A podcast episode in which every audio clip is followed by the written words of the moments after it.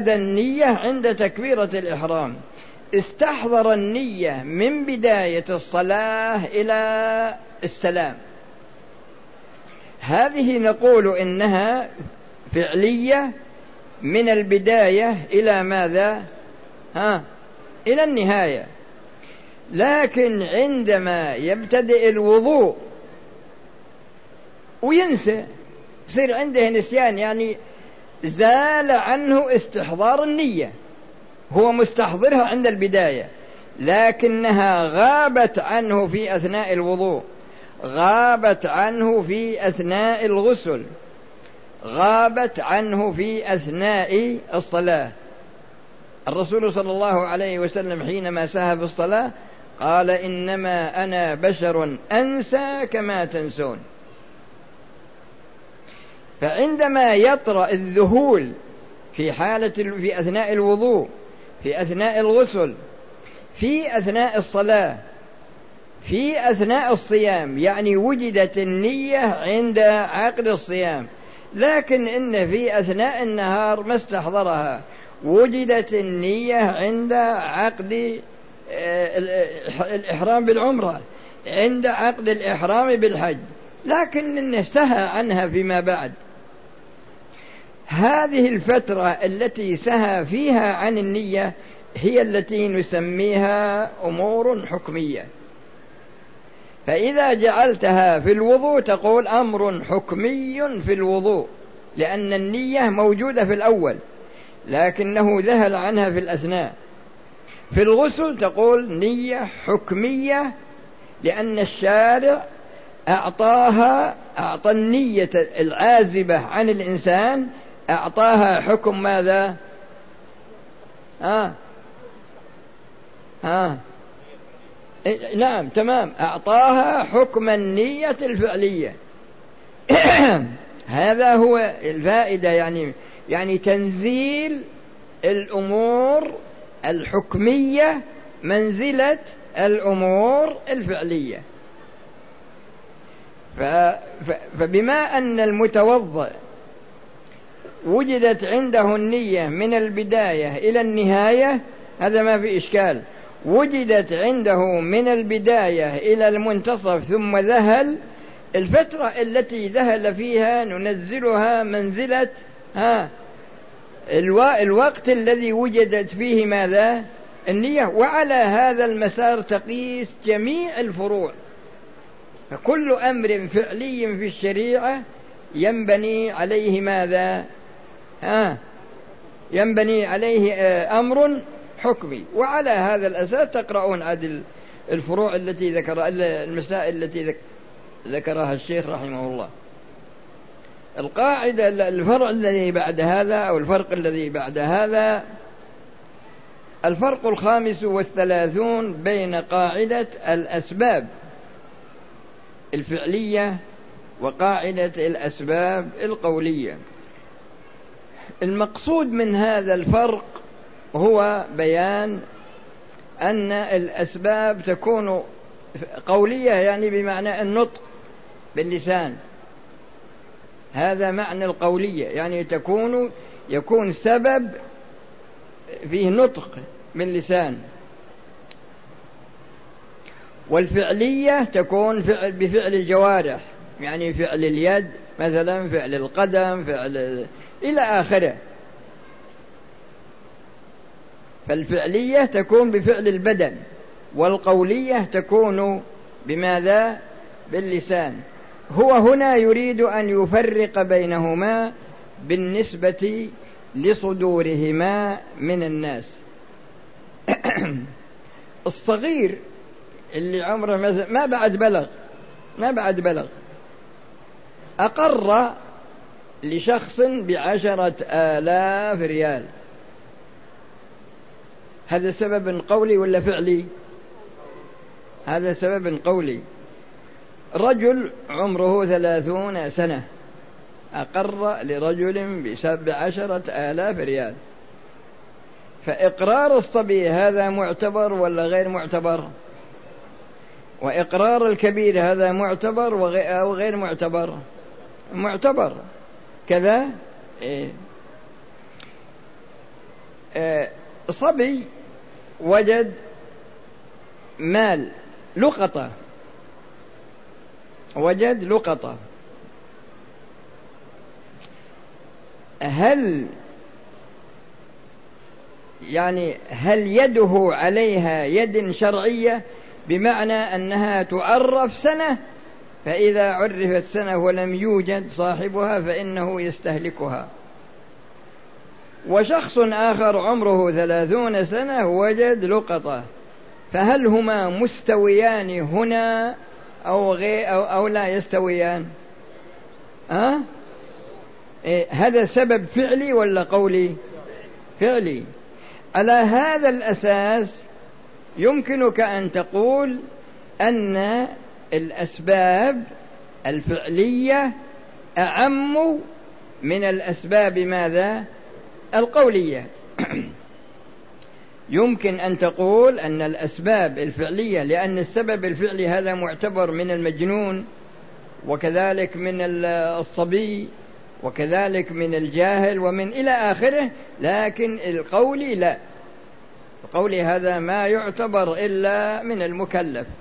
ما يعتبر إلا من المكلف. وفي تفاصيل يعني هذا لكن تقرؤونها أنتم. لكن هذا هو أصل الموضوع وهو أن الفرق بينهما من حيث الجملة أن الأسباب الفعلية أعم من الأسباب القولية.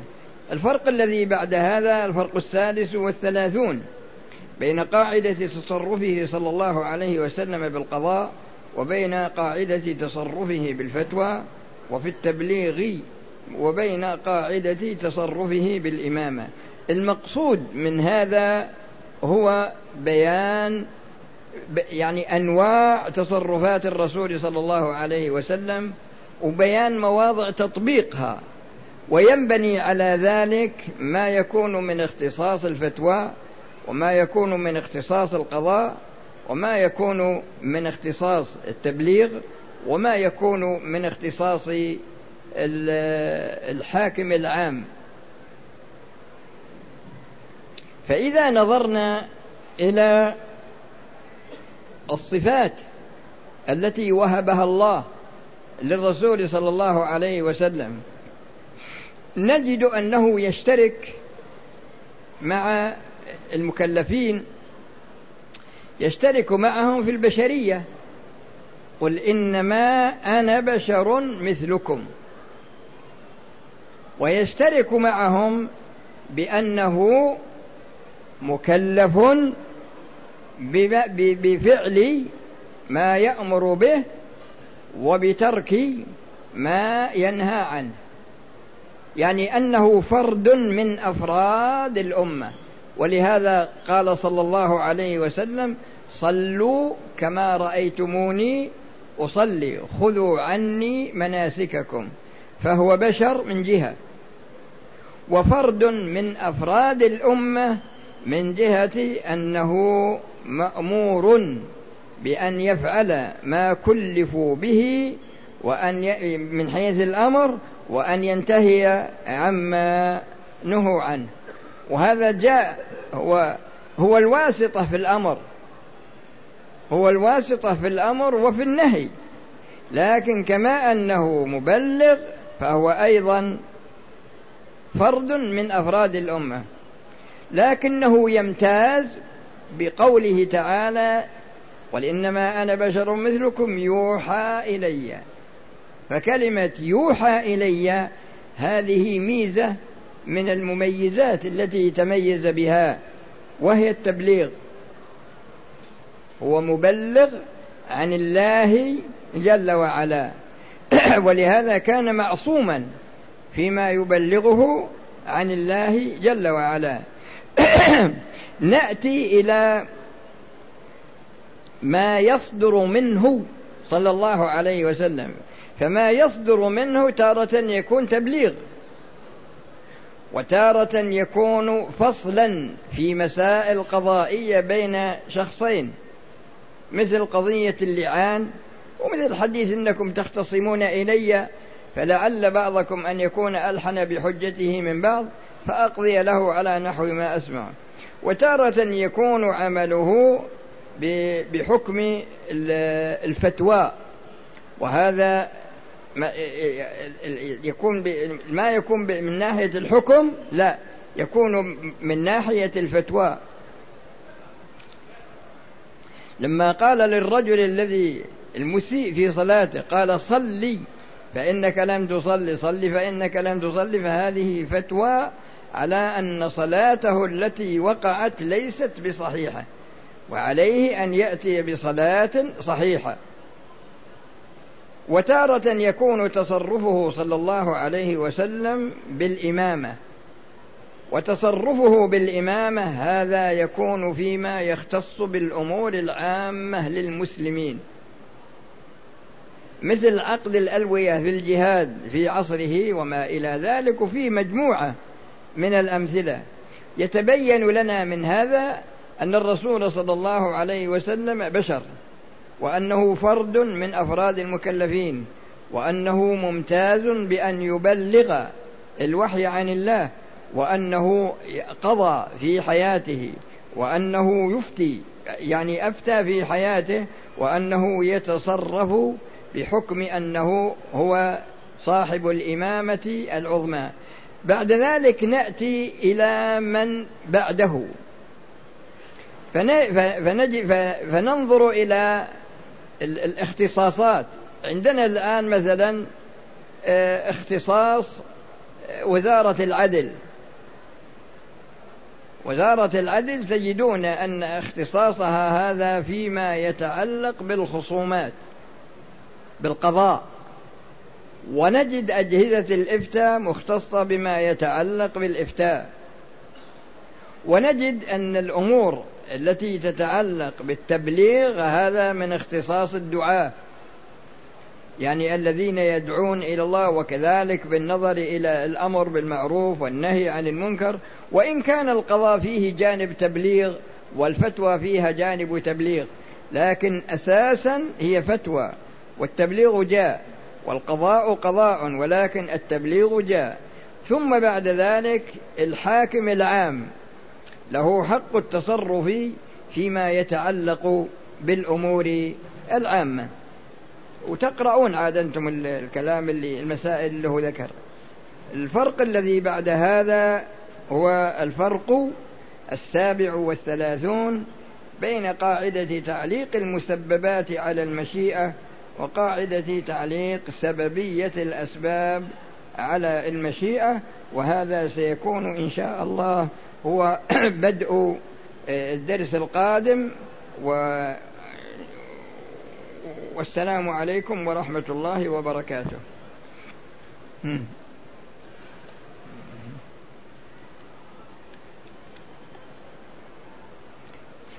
شخص انتقض وضوءه أثناء الطواف ولكنه أصر على إكمال عمرته وتحلل دون أن يأخذ من شعر رأسه وبعد ذلك أتى بعمرة بديلة فماذا عليه؟ إذا كان تحلل جامع زوجته فقد فسدت العمرة وعليه إكمالها وعليه أن يأتي بعمرة بدلها وعليه أن يذبح شاة توزع في مكة على فقراء الحرم. وإذا كان لا يستطيع فإنه يصوم عشرة أيام. أما إذا لم يحصل منه جماع فإذا كان حصل منه ارتكب محظورات أخرى مثل الطيب ومثل تقليم الأظفار ومثل أخذ شيء من رأسه فيكفر عن هذه الأمور.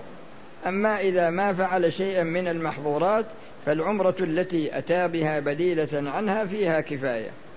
من كان من عادته إذا انتقل في سنة العصر مثلا ألا يجلس للتشهد الأول اختصارا للوقت لأنه يتنفل في منزله فماذا عليه؟ إذا الرسول صلى الله عليه وسلم قال رحم الله امرأ صلى قبل العصر أربع ركعات فأنت تصلي أربع ركعات سواء في البيت أو إذا جئت إلى المسجد.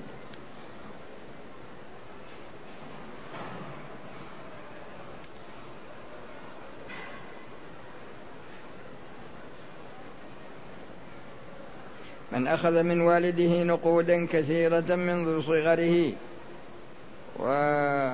وحتى بعد بلوغه فهل فهل يرد بوالده الآن عن هذا يخبر والده إن سمح له وإلا يردها عليه. وهذا يسأل سؤال يقول ما أدري وش هل يعني هالميول هذا هل يجوز النظر إلى المرأة الأجنبية العجوز؟ والله ما أدري يعني وش هالسؤال هذا فيه. أحسن مالك أن تتزوج حتى لا تنظر لا إلى عجوز ولا إلى صغيرة. أريد السفر غدا بعد صلاة العشاء هل يجوز أن أطوف بعد الأطوف الوداع بعد صلاة العصر؟ على كل حال إذا طفت الوداع عند قرب السفر ما في شيء. هل يجوز أن أتزوج امرأة امرأة امرأة ليست من أهل السنة والجماعة. لا يا أخي ما يجوز.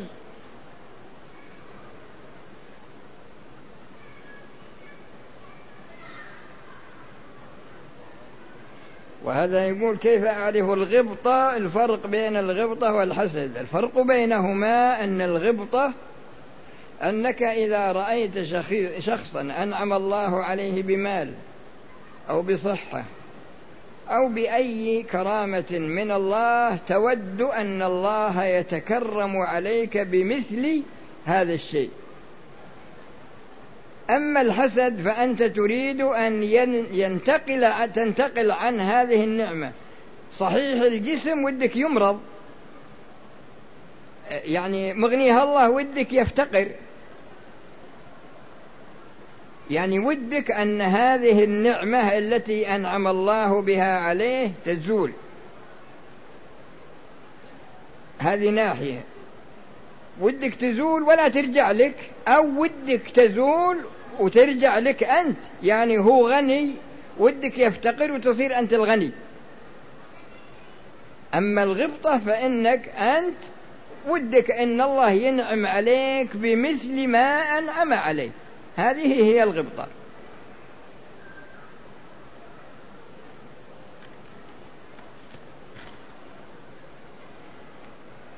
في الحديث من لم تنهه صلاته عن الفحشاء والمنكر لم تزده من الله إلا بعدا ما المقصود؟ يا أخي الأعمال الصالحة تارة يباشرها الإنسان وتؤثر عليه.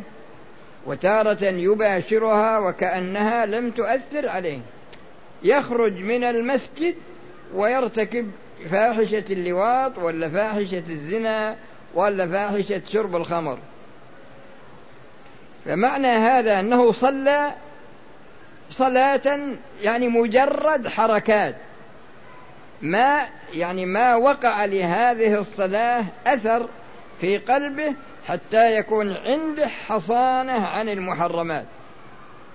يخرج من المسجد ويروح يصير من قطاع الطريق. مثل اللي يعملون التفجيرات والأشياء هذه ويقتلون. يعني يهدمون المساكن ويقتلون النفوس البريئة. ويروح يروح يصلي ويجي يرتكب هذا الشيء. ومثل الحين واحد يجي يصلي تلقاه يروح يبيع الخمر. يبيع لا يبيع خفية ولا يبيع هالحبوب اللي ما ما أدري يسمونها هذه. المهم إنه يصلي لكن إذا خرج ارتكب المحرمات. هذا هو الذي من لم تنهه صلاته عن الفحشاء والمنكر لم تزده من الله إلا بعدا. والحديث الآخر كم من قارئ للقرآن والقرآن يلعنه. يقرأ ولا تقربوا الزنا ويروح يزني.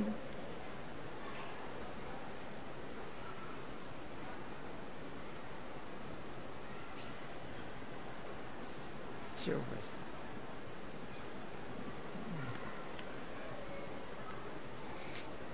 هل المرأة الحائض تلمس القرآن؟ لا. لا تلمسه ولا تقرأه.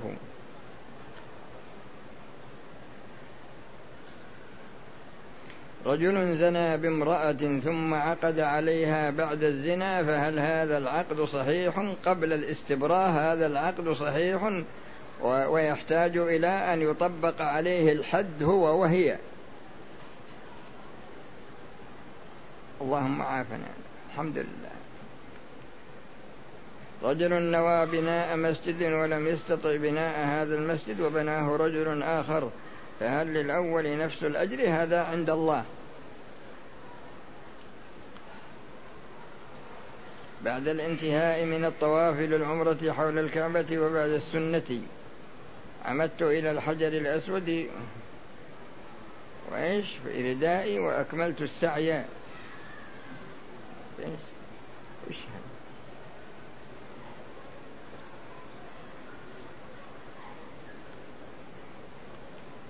إيش السؤال؟ صحح السؤال يا أخي.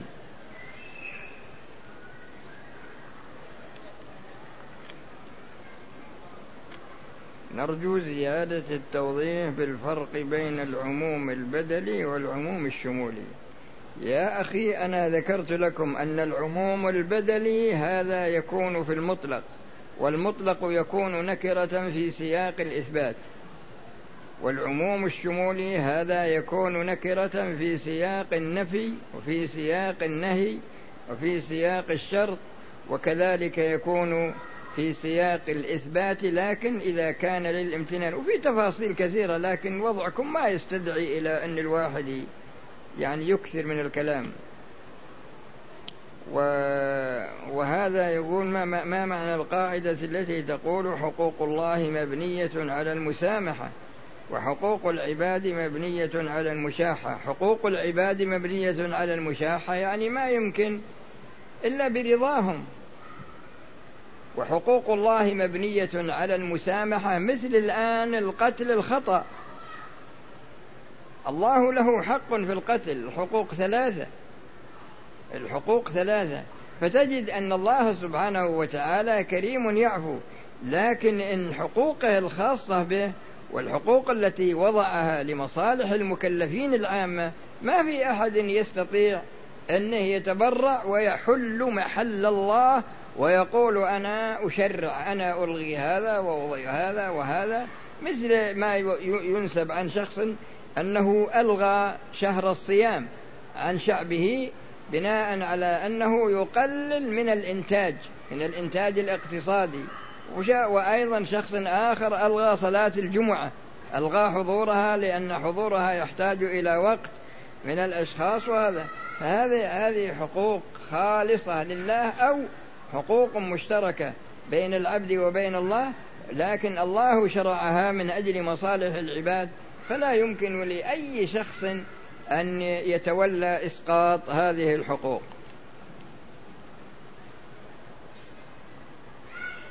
ولهذا تجدون قوله تعالى فلا وربك لا يؤمنون حتى يحكموك فيما شجر بينهم ثم لا يجدوا في أنفسهم حرجا مما قضيت ويسلموا تسليما.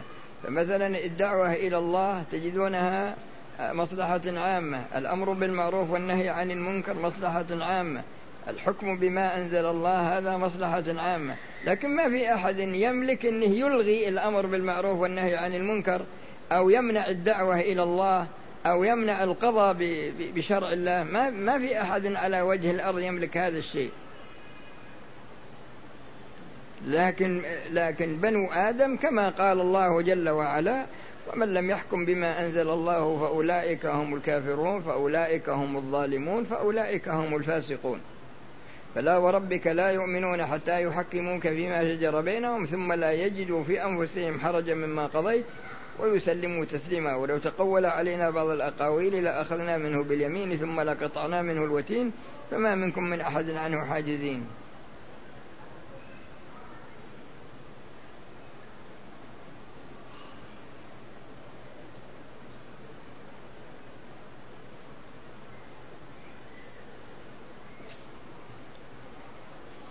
هذا يا أخي تحتاج أنت إلى أنك ترجع إلى كتب الإيمان. يعني الإيمان بالله وملائكته وكتبه ورسله وباليوم الآخر.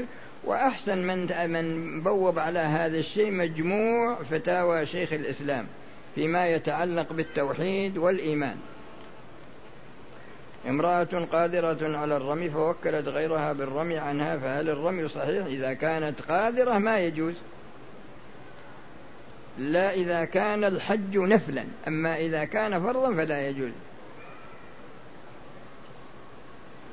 وهذا وهذا يقول إنسان يعني يتوضأ لكن يغسل اليمين قبل اليسار. وش هل؟ سبحان الله فيه ناس عندهم هواية السؤال الأسئلة الشاذة. يعني كأنه يقول أنا عندي استعداد أخالف السنة وش الحكم؟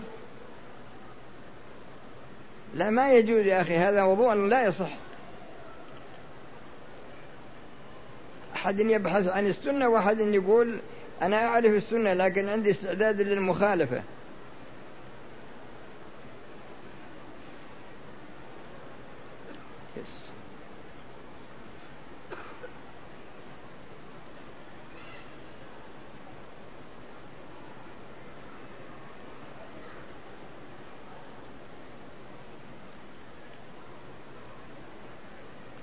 وهذا يقول هل إذا لم أتدبر قراءة الفاتحة في الصلاة يجوز لي إذا قرأتها يكفي؟ قرأتها قراءة صحيحة؟ بعد الانتهاء من الطواف اتجهت إلى الحجر الأسود لتقبيله وفقدت رداء الإحرام. كيف فقدت رداء الإحرام؟ ما ما تطوف إلا بإحرام يا أخي. ولا تسعى إلا بإحرام.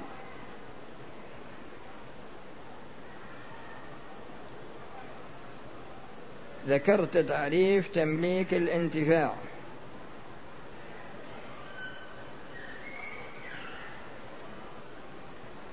ينتفع به نفسه وينتفع به غيره. يا أخي كذبت علي.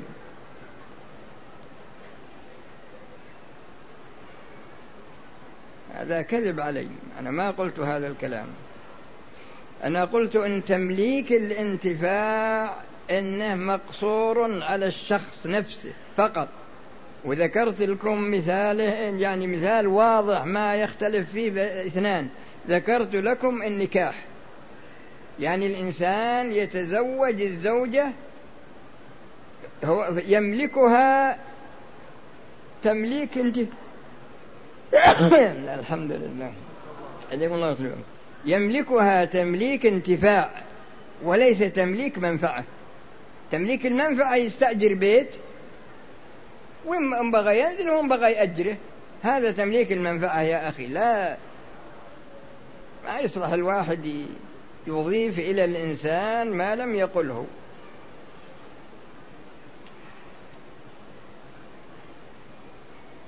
يقول رجل اعتمر ثم تحلل من لبس الإحرام قبل الحلق أو التقصير فماذا يفعل؟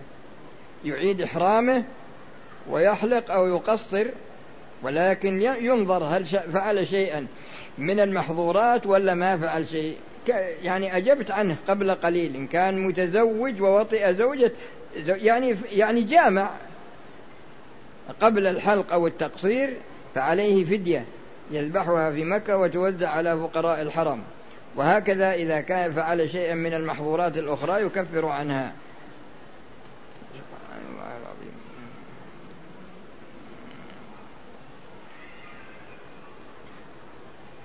لدي مال ربا ماذا أفعل به؟ وأنا الآن في مكة ولدي المبلغ الربوي الخالص. يا أخي تخلص منه. بإنفاقه على الفقراء لكن لا تعمل في الربا مستقبلا وتقول سأستمر على التعامل بالربا لأتصدق به. ما يجوز هذا. أتينا العمرة فطفنا اعتقادا ثمان ثمان مرات يعني ثمانية أشواط. اعتقادا منا أن الأولى باطلة. على كل حال ما دام أنكم يعني آه، فعلتم هذا ما عليكم شيء.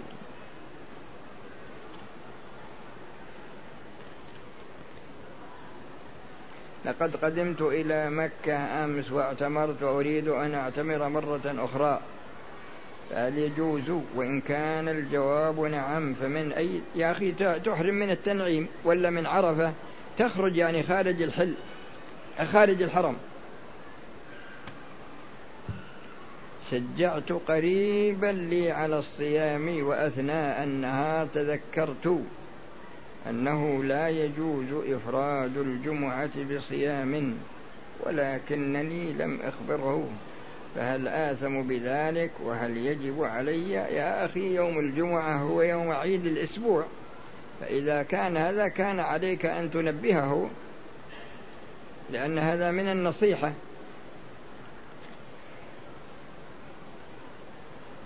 إيه بس